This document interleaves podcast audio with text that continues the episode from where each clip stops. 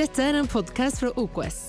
Så glad for at du lytter på oss i dag, og håper dette vil oppmuntre deg og styrke ditt trosliv. Nyt budskapet sammen med oss. Eh, jeg er veldig glad for å være her. Det er jeg alltid. Veldig takknemlig for å få lov å dele med dere. Og skal dele det som eh, Gud har lagt på, på hjertet mitt i dag. Min eh, overskrift er 'Den Gud som ser', og 'Den Gud som helbreder'. Det fins mange navn på Gud i Gamle testamentet. Kanskje du tenker mange navn, er det ikke Gud? Og på vår oversettelse på norsk så står det Gud. Men i, på hebraisk, på opprinnelig tekst i Gamle testamentet, så har Gud mange navn. Det er mange betydninger av Guds navn. Og to av dem som vi skal se på i dag, er at eh, Gud er den Gud som ser, og Gud han er også den Gud som helbreder. Og Første punktet mitt i dag er den Gud som ser. Og vi skal til en historie fra første Mosebok, kapittel 16. Og Der møter vi på en eh, kvinne som heter Hagar. Hun er en tjenestekvinne. Og hun jobber hos eh, Abraham og Sara. Og når det, vi møter henne der, så hun, kommer hun opp i en veldig fortvila situasjon. Gud har lovet eh, Abraham og Sara barn. Og Gud har til og med sagt til Abraham at du skal få så mange barn, og din ett skal være så stor at vi kan ikke telle det på himmelen. Og det betyr eh, mye, betydde mye på den tiden også å få en sønn, få et barn som kunne, kunne gi navnet og, og, arven videre. Og de venta og venta, og de var ganske gamle. Og selv da så sier Gud at jo, men dere skal få en sønn. Og han sier det flere ganger. Men så går årene, så går tiden, da. Det går faktisk så langt som ti år, og da begynner de å bli veldig gamle. Og så gjør da Abraham og Sara det som vi gjør noen ganger. Det er at vi skal hjelpe Gud litt med å holde løftene.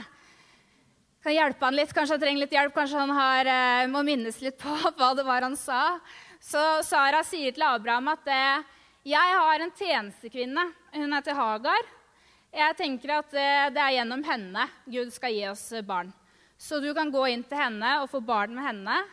Og så er det sånn Gud eh, skal gi oss det. Og Abraham eh, er enig og gjør som Sara sier, og går inn til tjenestekvinnen Hagar. Og det som skjer da, er at hun blir med barnet. Jeg tenkte vi skulle lese historien fra 1. Mosbok, kapittel 16, vers 1-16.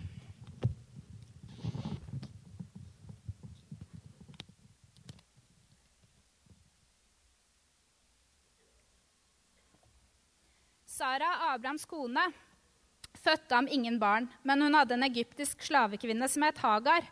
Sara sa til Abraham, 'Hør på meg. Herren har hindret meg å føde barn. Gå nå inn til slavekvinnen min. Kanskje få en sønn ved henne.' Og Abraham hørte på det Sarai sa, og Abrahams kone Sarai tok Hagar, den egyptiske slavekvinnen sin, og ga henne til kone for Abraham, mannen sin. Abraham hadde da bodd ti år i landet Kanaan. Han gikk inn til Hagar, og hun ble med barn. Men da hun oppdaget at hun var med barn, så hun ned på husfruen sin. Da sa Sarai til Abraham, 'Det er din skyld at jeg blir krenket.' 'Jeg ga min slavekvinne i din favn, men da hun oppdaget at hun var med barn, så hun ned på meg.' 'Herren skal dømme mellom meg og deg.' Abraham sa til Sari, 'Se, slavekvinnen er i din hånd. Gjør hva du vil med henne.' Og Sara ydmyket henne, så hun rømte fra henne.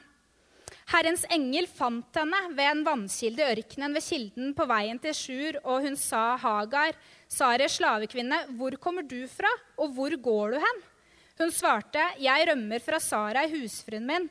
Og Herrens engel sa til henne, vend tilbake til husfruen din og la deg ydmyke under hennes hånd. Herrens engel sa, stor vil jeg gjøre din ett, så stor at den ikke kan telles. Så sa Herrens engel til henne, Se, du er med barn, og du skal føde en sønn. Du skal gi ham navnet Ismael, for Herren har hørt at du ble ydmyket. Han skal bli et villesel av et menneske. Hans hånd skal være vendt mot alle, og alle, alles hånd mot ham. Rett imot alle sine slektninger skal han slå seg ned. Da satte hun dette navnet på Herren, som hadde talt til henne. Du er en Gud som ser meg. For hun sa, har jeg virkelig sett Han som ser meg?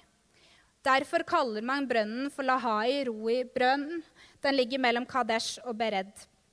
Og Hagar fødte Abraham en sønn, og Abraham ga sønnen som Hagar fødte, navnet Ismael. Abraham var 86 år gammel da Hagar fødte ham Ismael. Denne kvinnen Hagar hun eh, blir eh, gravid, og som man kan tenke at vil skje, så oppstår det da sjalusi og konflikt i den familien. Det, kan man tenke, det er ikke så rart at det skjer mellom disse to kvinnene. Og hun, blir, eh, hun begynner å se ned på Sara, Hagar, mens, og Hagar begynner å plage henne. Såpass mye at hun finner ut at det er bedre for meg, og selv om jeg er gravid og alene, fattig, jeg har ingen rettigheter, jeg har ingen sted å gå. Jeg kan dø her ute i ørken, ørkenen, men jeg går heller ut dit enn å være her. Så hun forsvinner ut dit og er helt aleine der ute. Og Jeg vet ikke om hun egentlig tenkte at ja, kanskje jeg kan dø, jeg vet ikke. Men den fortvila situasjonen som hun må være i der ute i ørkenen når hun er der aleine Og hun har ingenting. Hun har ingen ved sin side, hun har ingen hjelp. Det er bare henne. Og hun er, har også da et voksende barn i magen sin. Og midt i den situasjonen der så kommer Gud til henne. Han sender en engel til henne. Han begynner å prate med henne der ute i ørkenen. Og Hagar er ikke en jødisk kvinne. Hun er ikke nødvendigvis noen som har en relasjon til Gud heller. Men selv når det vi ikke har det, selv om det du er her og kanskje ikke har den nære relasjonen til Jesus, at ikke du kjenner han, eh, så vet han allikevel veldig godt hvem du er. Og han kjenner deg og ser deg og kommer til deg og vil prate til deg og ønsker å nå deg. Så midt i ørkenen der så begynner da engelen også både oppmuntre henne og utfordre henne og sier, 'Gå tilbake igjen der du kom fra'. Og så begynner han også å tale og se at 'jeg har sett at du har blitt fornedret'. 'Jeg har sett hva du har gått gjennom. Jeg vet det.' Og så begynner han å tale løfter over henne og over barnet i magen og sier at skal bli, du skal føde en sønn, og det skal bli en stor ett. Og Du kan se også videre i historien også at Gud tar seg av disse videre også. Det er ikke eneste gangen, men han tar seg av dem videre. Og Ismael også, som blir født. Han tar seg av han og elsker og, og ser dem. Han er en gud som ser. Og da er dette, dette navnet som Hagar da setter på Gud, er El Roy. Det betyr på hebraisk han er en gud som ser meg en Gud som ser. Det er en del det er på en måte podet inn i Guds navn. Det er en del av hvem han er. Han er en Gud som ser. Midt i de mørkeste stundene, midt i ørkenen, midt i når det ikke er noen andre der, og alle har sviktet, så er han fortsatt en Gud som ser. Det er hans navn. Og det som er også, er at eh, Gud er ikke bare en Gud som ser. For én ting er jo at han ser, at han står der liksom Ja, du, du sliter, ja. Ja, OK, liksom. Men han er en gud som ser, og en gud som bryr seg. Han er en gud som elsker. Han ser, og han elsker. Og Kanskje du tenker da at ja, jeg har vært i situasjoner hvor jeg føler at Gud bare står og ser på, jeg, og ikke elsker. At det er ting i livet som har vært vanskelig. Og vet du hva, det er, det er mange ting som er vanskelig. Det er ikke alt vi forstår, det er ikke alt vi får svaret på heller her. Men det er én ting som det vi kan vite, og det er at Gud sto ikke bare og så på. Gud kom ned. Gud ga hele seg for deg og meg. Han er den eneste. Vi kan, kan snakke om religion, du kan snakke om mange hvor, som sier at det, du kan få oppleve kjærlighet, men det er alltid betinget. Det er alltid at det, du må gjøre sånn og sånn, du må være lydig, du må være ren osv. Så, videre, så kanskje Gud kan gi kjærlighet. Men Gud, Guds kjærlighet er aldri sånn. Den er ubetinget. Guds kjærlighet, han ble kjøtt. Vet du hva? Han trengte ikke å forlate sin trone der i himmelen og komme ned til oss. Han trengte ikke gjøre det, men han gjorde det. Fordi at han ble drevet til det av sin kjærlighet til deg og meg. så ble Han drevet til det, og han ga seg selv. Han sto i smerte. Han ble så knust at han var ugjenkjennelig på korset. Han tok vår synd. Han ble fornedret. Han opplevde å bli utstøtt. Han opplevde tortur alt Jesus opplevde der. Og det er for at Kjærlighet det er mer enn følelser. Kjærlighet det er handling. Det er Emanuel, Gud med oss. Han ble menneske og kom ned hit. Og åpnet den veien. Tok, den, tok også vår, vår uh, sykdom og smerte, tok vår synd og åpnet den veien til Gud som gjør at det, han har overvunnet døden. Sånn at vi kan stå, og, eh, stå fremfor Gud uten synd, sånn at vi kan leve le livet, evig liv sammen med ham. Han har tatt alt sammen. Alt er blitt gjort ferdig på korset. Så han var en Gud som ikke bare sendte, han, han gjorde det sjøl. Han selv gjorde det og viste. Og det står i 1. Johannes brev også, i eh, kapittel 4 vers 10, at dette er kjærligheten. Ikke at vi har elsket Gud, men at han har elsket oss og sendt sin sønn til soning for våre synder. Det kan være at man tenker i dag altså at kjærlighet, Hva er liksom det mest sentrale i den kristne troen? Hvis du spør mange som ikke er troende også, vil de kanskje si at det er liksom å prøve å gjøre så godt du kan og være grei og snill. Men det er ikke det mest sentrale i vår, tro. Det er heller ikke at vi elsker Gud, at jeg skal elske Gud. Det er heller ikke det mest sentrale. Men det mest sentrale er at han har elsket oss og sendt sin sønn til soning for våre synder. Det er essensen. Og dermed kan vi også, når det, og man kan si ok, er den kristne troen egentlig i det hele tatt god? Én ting er om det er sant eller ikke, men folk setter tvil på i det hele tatt er det, en, er det dere tror på, egentlig noe godt. Så på kommentarfeltet noen ganger Selv du som er kristen, må vel forstå at liksom, sånn og sånn. Er det egentlig godt? Ja, fordi at han ga seg selv. Han er den eneste som ubetinget elsker deg. Det står at han ga seg selv mens vi enda var hans fiender. Gjorde han det? Det er helt ubetinget. Det var en gave. Det var fullt ut av nåde. Og han tok den smerten. Han ble den smerten. Og jeg tror ikke at det var, det var ikke en god følelse. Det var ikke eh, Kjærligheten er handling, som jeg sier, mer enn følelser. Var Jesus bare glad for dette? Ja, sånn Dypest sett, men ikke der og da. Han var så redd at han til og med svetta blod når han skulle gjøre dette. Det var ikke basert på det han gjorde det. Det var basert på kjærligheten til deg og meg. Det står i brevbrevet også i kapittel 2 eh, Hebrebrevet kapittel 12, mener jeg, i vers 1-2. Der står det om det at vi skal løpe det løpet vi har foran oss, med blikket vårt festet på Jesus Kristus. Og så står det videre der at eh, for å få den gleden han hadde i vente, holdt han ut på korset. Jesus holdt ut pga. den gleden han hadde i vente. Og den gleden han hadde i vente, det var det fellesskapet med deg og meg. Den relasjonen som han kunne endelig få ha med deg og meg. Den gleden som var der. Og da holdt han ut på grunn av deg. Ikke bare pga. noen andre heller, men pga. deg så holdt han ut i lidelsene som er mer enn vi kan skjønne noen gang, som han måtte gjennom der. Pga. deg og meg, den kjærligheten. Dette er kjærligheten, ikke at vi elsket Gud, men at han har elsket oss og sendt sin sønn til soning for våre synder. Det var deg han tenkte på når han gjorde det.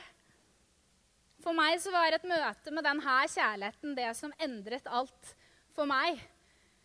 Fordi Gud var ikke bare, Man kan tenke Gud er liksom langt der borte, og kanskje han har skapt verden, og det er fint. Hva har det med meg og min hverdag å gjøre? Men det beste jeg opplevde, er når Gud kom nære meg.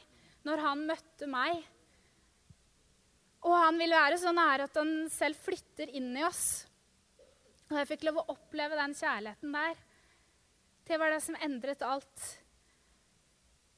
Og før det så Jeg hadde det gikk bare bra på innsiden. Jeg tok valg også da, som ungdom opp igjennom, som påvirket meg negativt. Og jeg kan se i ettertid og vite det at eh, Jeg visste det ikke da, men jeg ser det i ettertid at jeg satte min verdi for lavt.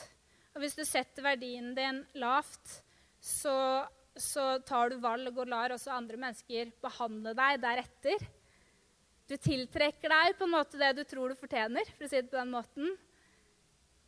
Og som ung da så, så gjorde jeg det, men det å få oppleve da fordi i, i, samfunnet vårt i dag så snakker man om at du skal elske deg selv og elsk deg selv med en radikal selvkjærlighet og alle de tingene. Men vet du hva? Det er ikke nok, da.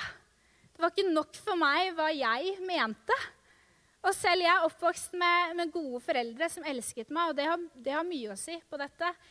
Men det selv er ikke nok. Vi trenger Guds kjærlighet, vi trenger hans nærhet, vi trenger hans bekreftelse. Vi trenger at det er han, han kommer med sin kjærlighet til oss. Og vi alle sammen, det er så mange som strever med dette. Unge. Barn, ungdom, unge mennesker, men også voksne som bare strever med dette. Og vi sminker over det, liksom. Og jeg, jeg har selvtillit. Og så har vi smerte på innsiden da. Av dette at vi vi, vi, vil ha, vi, vil at noen skal se oss, vi ønsker verdi. Vi ønsker at noen skal gi oss den verdien.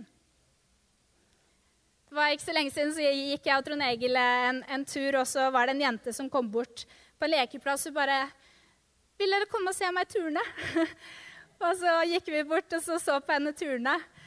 Eh, og, men vi er sånn, ikke, bare barn som er sånn, vi er sånn vi også voksne. At liksom 'Vil du se på meg? Gjøre det her?'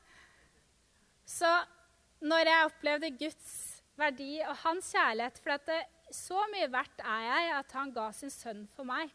Det er så mye verdt. Jeg, hans blod, det er så mye som jeg er verdt. Og når det er ikke sånn, nødvendigvis sånn quick fix med en gang, men sånn over en prosess, så bare kjenner man hvordan man kan på en måte stå at jeg, har en som elsker meg, han som har skapt meg. Og man kan kjenne at man, man reises opp da, i den, nettopp i den kjærligheten der som bare han kan gi. Og ingenting kan skille oss ifra den kjærligheten. Jeg opplevde også litt som, ble litt sånn som Hagar at det, Jeg har sett han som ser meg. Jeg har sett han som ser meg, han som har sett meg hele tiden. Han har jeg sett. Da er det ingen vei tilbake. Det er ikke noe annet. Hva annet kan jeg gjøre nå, Herre, enn å følge deg? Du som har det evige livets ord, hva annet skal jeg gjøre enn å følge deg?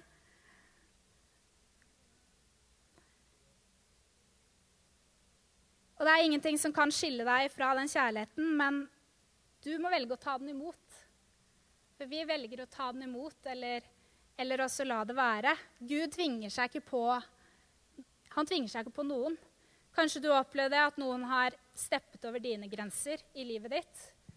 Gud kommer aldri til å gjøre det. Gud stepper ikke over noen grenser. Han gir alltid rom og plass. Og vi kan se det i møtet her med Hagar også, hvordan Gud begynner å stille spørsmål til henne og sier, 'Hagar, hvor, eh, hvor, er du på vei?' 'Hvor kommer du fra? Hvor er du på vei?' Han vet jo det. Han vet jo hvor hun er på vei, han vet jo hva hun gjør. Men du kan se det flere steder også i evangeliene hvordan Jesus stiller spørsmål for å, for å gi rom og plass. Da, for at man skal kunne åpne hjertet sitt opp for ham. Og vil at eh, hun skal respondere og prate. Og Det står i den teksten også at det, engelen fant henne. står det. Så han lette etter henne, akkurat som Gud leter etter oss i form av at han leter etter hjertet vårt. At han ønsker at vi skal gi, gi hele, hele, oss til han. Ikke bare når det du tar imot Jesus, for det er det viktigste. Da står han og banker på døra og ønsker vi skal åpne opp hjertet så han kan flytte inn. Men også etterpå med deler av hjertet vårt som det vi holder skjult eller holder fast på, smert, som er for smertefullt kanskje, til å slippe han inn i, så står han og banker og ønsker at vi skal slippe han inn. Har du noen gang gitt noen en klem en gang, som gir dem en klem, og så bare får du en sånn her stiv tilbake? Og så bare Å ja, det var ikke helt innafor eh, å gjøre. Gud han er sånn at han gir en klem, og liksom noen ganger kan vi være litt sånn Å, vi er litt sånn tilbake. Men han vil at vi bare skal omfavne han. Det er det livet som vi kan få leve med han. Du kan tenke også den der, Når du har hatt en lang dag, du har kanskje vært sosial eh, og vært med folk hele dagen og hatt en lang dag med jobb og alt sånn, Du kommer hjem på kvelden og du bare åh, setter deg ned i sofaen bare åh, slapper av, og bare maskene faller. Det er sånn han vil vi skal være med oss. Hvor vi kan bare la de maskene falle, og vi kan få lov å være bare i hans nærvær. Han kjente også navnet hennes, vet du, Hagar. Hun ble kalt slavekvinne, men, men Gud sier, sier, Hagar. Kjenner navnet. Kjenner navnet ditt. Vet eh, akkurat eh, hva du heter, hvem du er. Jesaja 43,1 sier at nå så sier Herren som skapte deg, Jakob som formet deg, Israel, vær ikke redd. Jeg har løst deg ut, jeg har kalt deg ved navn, og du er min. Går du gjennom vann, er jeg med deg. Gjennom elver skal det ikke flomme over deg. Går du gjennom ild, skal, skal, du ikke svi deg, og flammen skal ikke brenne deg. Han kjenner navnet. Og det står til og med at eh, navnet vårt er skrevet opp i livets bok når det er vi tar imot Jesus. Vi kan få ha vårt navn skrevet opp i livets bok. Kjenner navnet ditt. Det kan være at det å bli sett også på den måten kan virke litt sånn vanskelig, både fordi at man er, har noen sånne guards oppe pga. skuffelser man har opplevd tidligere. Det kan også være som tanken på at eh, hvis Gud ser alt, ja, da ser han jo alt. Det er jo litt skummelt at han ser alt. Men det er det ikke, for Jesus har tatt all synd, og du står helt ren framfor. Det er ingenting som skiller deg fra hans kjærlighet. Det er ingenting imellom deg. Det er ikke noe synd, det er ikke noen skam, det er ikke noen, noen, noen ting imellom der som hindrer. Han bare elsker og vil klemme. Klemme deg, gi deg den klemmen. Han har tatt din synd. Du er ren. Og så ser han det gode du gjør, og noen ganger kan vi være litt sånn at vi, vi kan bli liksom selvmedlidende på at eh, her er jeg og tjener. Er det noen som ser det? Så burde ikke jeg fått applaus for dette? Eller er det noen som ser mannen min at jeg gjør all husarbeidet hjemme, egentlig? Eller hvordan Blir litt selvmedlidende i alt på en måte vi, vi føler vi ofrer. Men vet du hva, der også har du en som ser, vet du. En som ser dine bønner som ser din offer, som ser hjertet ditt. En som ser. Og så står det at det du skal få høste, bli ikke trett av å gjøre det gode, for i rette tid skal du høste, er et løfte. Så der også har du en Gud som ser. Men først og fremst så er det ikke det at han, han ser ikke for å se det dårlige eller for å se det gode. Han er der for oss. Han ser det som ligger tungt på hjertet ditt. Eller de små tingene i livet også. Når, Jesus, når, eh, når, han gir navnet til eh, gutten i magen til Hagar, altså Ismael, så betyr det navnet Gud hører. betyr det navnet. Så Gud ser og Gud hører, for han sier, 'For jeg har hørt hvordan du ble fornedra', sier Gud til Hagar. Jeg har hørt det, jeg har sett det. Jeg er en Gud som ser, jeg er en Gud som hører. Mitt punkt nummer to i dag er å se han som ser meg. For én ting er at han ser meg, men, men ser jeg han? Og i Salme 34, 3-6, så står det Min sjel skal rose seg i Herren. De ydmyke skal høre det og bli glade. Pris Herrens storhet sammen med meg. La oss sammen opphøye Hans navn. Jeg søkte Herren, og han svarte meg. Han fridde meg ut fra alt jeg frykter for. De så opp til ham og strålte av glede, og deres ansikt rødmet ikke av skam. Første jeg vil si Det er det første verset står 'Min sjel skal rose seg i Herren'. Og tenker jeg En oversettelse som også sier at jeg skal um, være stolt av Herren. Og Her ser jeg også for meg litt det der lille barnet egentlig, som er stolt av du vet, barnet som er stolt av faren sin og sier liksom 'Pappa kan alt'. Pappa kan banke faren din. sånn, faren min kan alt, liksom. Og så Barn de vokser jo opp etter hvert og skjønner jeg tror mine har skjønt det nå, at mine foreldre er ikke perfekte i alt. Skjønner, de skjønner det etter hvert at det er ikke sånn det er, at uh, mamma og pappa kan og vet alt. Men vet du hva, det er motsatt for deg og meg. Når det etter hvert som vi, vi blir kjent med Gud, så er det motsatt. Vi blir mer og mer sånn Vet du hvor stor Gud jeg er, eller? Vet du hvor stor faren min er? Vet du hva han kan gjøre? Det er det som er ekte modenhet òg, vet du. Det er den der troen som et lite barn som ser opp til sine foreldre til alt, egentlig. Mamma, pappa, kan jeg få Kan jeg Mamma, vet du det? Vet du? Mamma, pappa, vet du? Det er liksom ekte modenhet. Det er når vi gir slipp og stoler på han fullt ut. Pappa, du Og jeg er stolt av deg. Jeg kan rose meg i Herren. Den derre tilliten, den barnslige tilliten som du og jeg kan ha til han. Jo mer vi vi vokser i, i det her. Eh, den tilliten, det er modenhet. Og så står det 'Se på han uten å rødme av skam'. står det der. Vi kan se opp på Jesus uten å rødme av skam. Jeg har tenkt ofte, for Vi har hørt undervisning flere ganger om dette. Fest ditt blikk på Jesus. Se på Jesus. Og jeg har ofte tenkt sånn at da ser jeg på en måte for meg det, han oppstanden, eller jeg ser hva han har gjort for meg. Um, de løftene han har oppfylt for meg. Og det er veldig bra, det er en del av det. Men så nylig så bare fikk jeg en åpenbaring av det, som jeg sikkert burde sett mye før. Men det var akkurat som jeg så det på nytt. Og det var at når jeg ser på deg, Jesus, så har jo du allerede ditt blikk festet på meg. Det er ikke sånn at jeg prøver å finne deg på en måte et eller annet sted der oppe.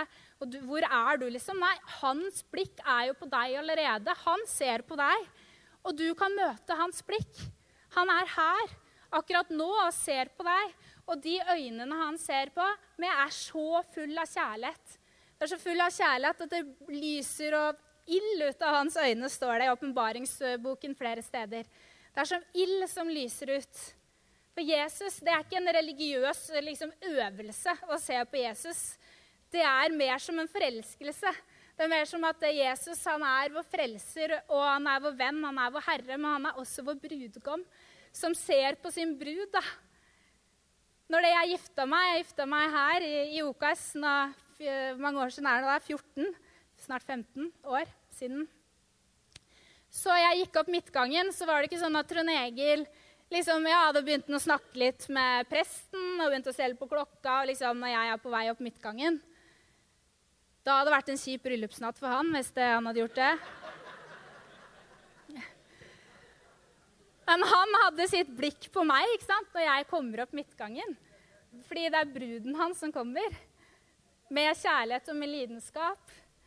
Og det er Guds blikk til deg. Og vi kan se opp på han uten å rødme av skam, med å stråle av glede. Og se inn i de øynene. Ta til deg den kjærligheten. Den kjærligheten du er en himmelsk brudgom som elsker deg. Da kan vi slippe alle våre andre elskere, og så kan vi se på han som elsker oss. Han ga hele, Det er en pakt, det var en overgivelse av seg selv, hele han, som han ga, ga til oss. I eh, påskemåltidet før Jesus dør, og Lukas 22, 15, så, så sier Jesus det her Med inderlig lengsel har jeg ønsket å spise dette påskemåltidet med dere. Han hadde en sånn lengsel etter det fellesskapet etter det fellesskapet med deg og meg. I, eh, sånn det var jødes, altså Blant jødene også var det sånn at når en, en, mann skulle fri til en kvinne, så ga han en, en eh, glass vin til henne. Og hvis hun drakk, så sa hun ja. og Det er sånn parallell til denne historien i påskemåltidet, siste måltidet, med Jesus, hvor han, hvor han gir seg selv. For det er, det er som en brudgom som vil gi sin kjærlighet til sin brud det er den kjærligheten som han gir.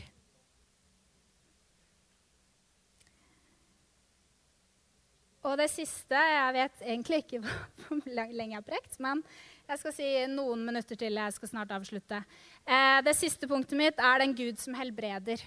For jeg tror at det, det, er så mye å si om helbredelse, og jeg har noen minutter nå. Men vet du hva det er i det nærværet der, altså, i den, hans kjærlighet, det å sitte og bare ta imot det fra han Det er han selv, ikke sant? Det er ikke en metode eller en oppskrift. Det er Jesus Kristus, helbrederen. Det er han selv. Han som ser på Det er ikke, det er ikke en upersonlig kraft liksom, der ute et sted, som det kan være i andre ting i det alternativet, eller noe, men det er han selv, det er Jesus Kristus, som jeg sitter og tar imot fra. Det er han som ser meg inn i øynene, som ga seg selv for meg, som elsket meg så høyt. Det er i det nærværet det er der helbredelsen er. For Vi kan fort tenke vi vil ha en oppskrift, vi vil ha en metode. Og når ting tar lang tid også, så er det litt sånn Hvordan? da? Gi meg fem skritt, eller hø høre et vitnesbyrd. Jeg må gjøre det på samme måten. Men det er ikke det er ikke bare å søke helbredelse der ute et sted, men det er en relasjon, det er et fellesskap med selve helbrederen. Jehova Rafa, 'Jeg er Gud som helbreder deg'. Det er en del av hans navn. Det er en del av hvem han er. Det er en del av den praktiske kjærligheten. Den er at han ikke bare ser, men at han elsker. Det er, ligger hans helbredelse, hans legedom. Og det er ikke alt som det vi, vi vet eller skjønner. Det er mange, mange år siden, eh, når jeg gikk her på bibelskolen, eller lederlinja, så hadde jeg to år hvor jeg var masse dårlig. Fra en dag til en annen ble jeg kjempedårlig i magen. Jeg tålte ingenting. Jeg spiste. jeg hadde to år som var egentlig veldig utfordrende for meg da. Jeg var veldig ung også, så jeg opplevde det som veldig utfordrende. Klarte ikke jobbe, masse greier. Og etter de to årene så ble jeg frisk. Og jeg husker jeg sto her i det rommet her og bare Ja, nå er jeg frisk. Jeg vet jeg er frisk. Og folk eh, sa etterpå, og så ble jeg det på to-tre dager. Alt ble borte av de plagene. Og så var det flere som spurte meg hva skjedde, hva gjorde du annerledes? Hvordan liksom Jeg bare Jeg vet ikke, jeg. Jeg vet ikke egentlig helt hva som var annerledes. Det eneste jeg vet, det er at jeg holdt fast. da. Jeg holdt fast de to årene. Og jeg holdt meg nær kirken, og jeg fortsatte å lytte. Jeg var her. Og så fordi det jeg vet, det er at han er god. Det vet jeg. Han er god, og jeg vet at eh, i forsoningsverket så tok han ikke bare mine synder, men han tok også mine sykdommer. Og jeg vet at som det står i brevbrevet, at det står at eh, Jesus er glansen av hans herlighet. Altså han er glansen av Gud. Han viser oss hvem Gud er. Og når jeg leser om han i evangeliene, så helbredet han. Og han helbredet, og han helbredet, og han helbredet. Alle som ville, helbredet han. Og han er glansen av Gud. Han viser oss hvem vår pappa i himmelen er. Han viser oss det. Og det er han selv, Matteus 8, 17. Slik ble det oppfylt som var talt ved profeten Jesaja, når han sier han selv tok våre skrøpeligheter og bar våre sykdommer. Det er noe personlig med det. Han selv er det som gjorde det. Det er i han det er. Andre Peters brev 1,2 sier at nåde og fred være med dere stadig rikere mål ved at dere kjenner Gud og Jesus, vår Herre. Så i det fellesskapet med Jesus Kristus som du og jeg er kalt til å være i, så kan vår, vår nåde eh, kan øke, som det står. At vi kan eh, se i stadig rikere mål nåde og fred. Og Jo mer vi blir kjent med han, jo mer ser vi også at det er gitt i nåde. Det, gitt, det ble gitt som en gave. Det er gitt i nåde. Så det er i han, det er i fellesskap, det er i relasjon med han. Det er der det er.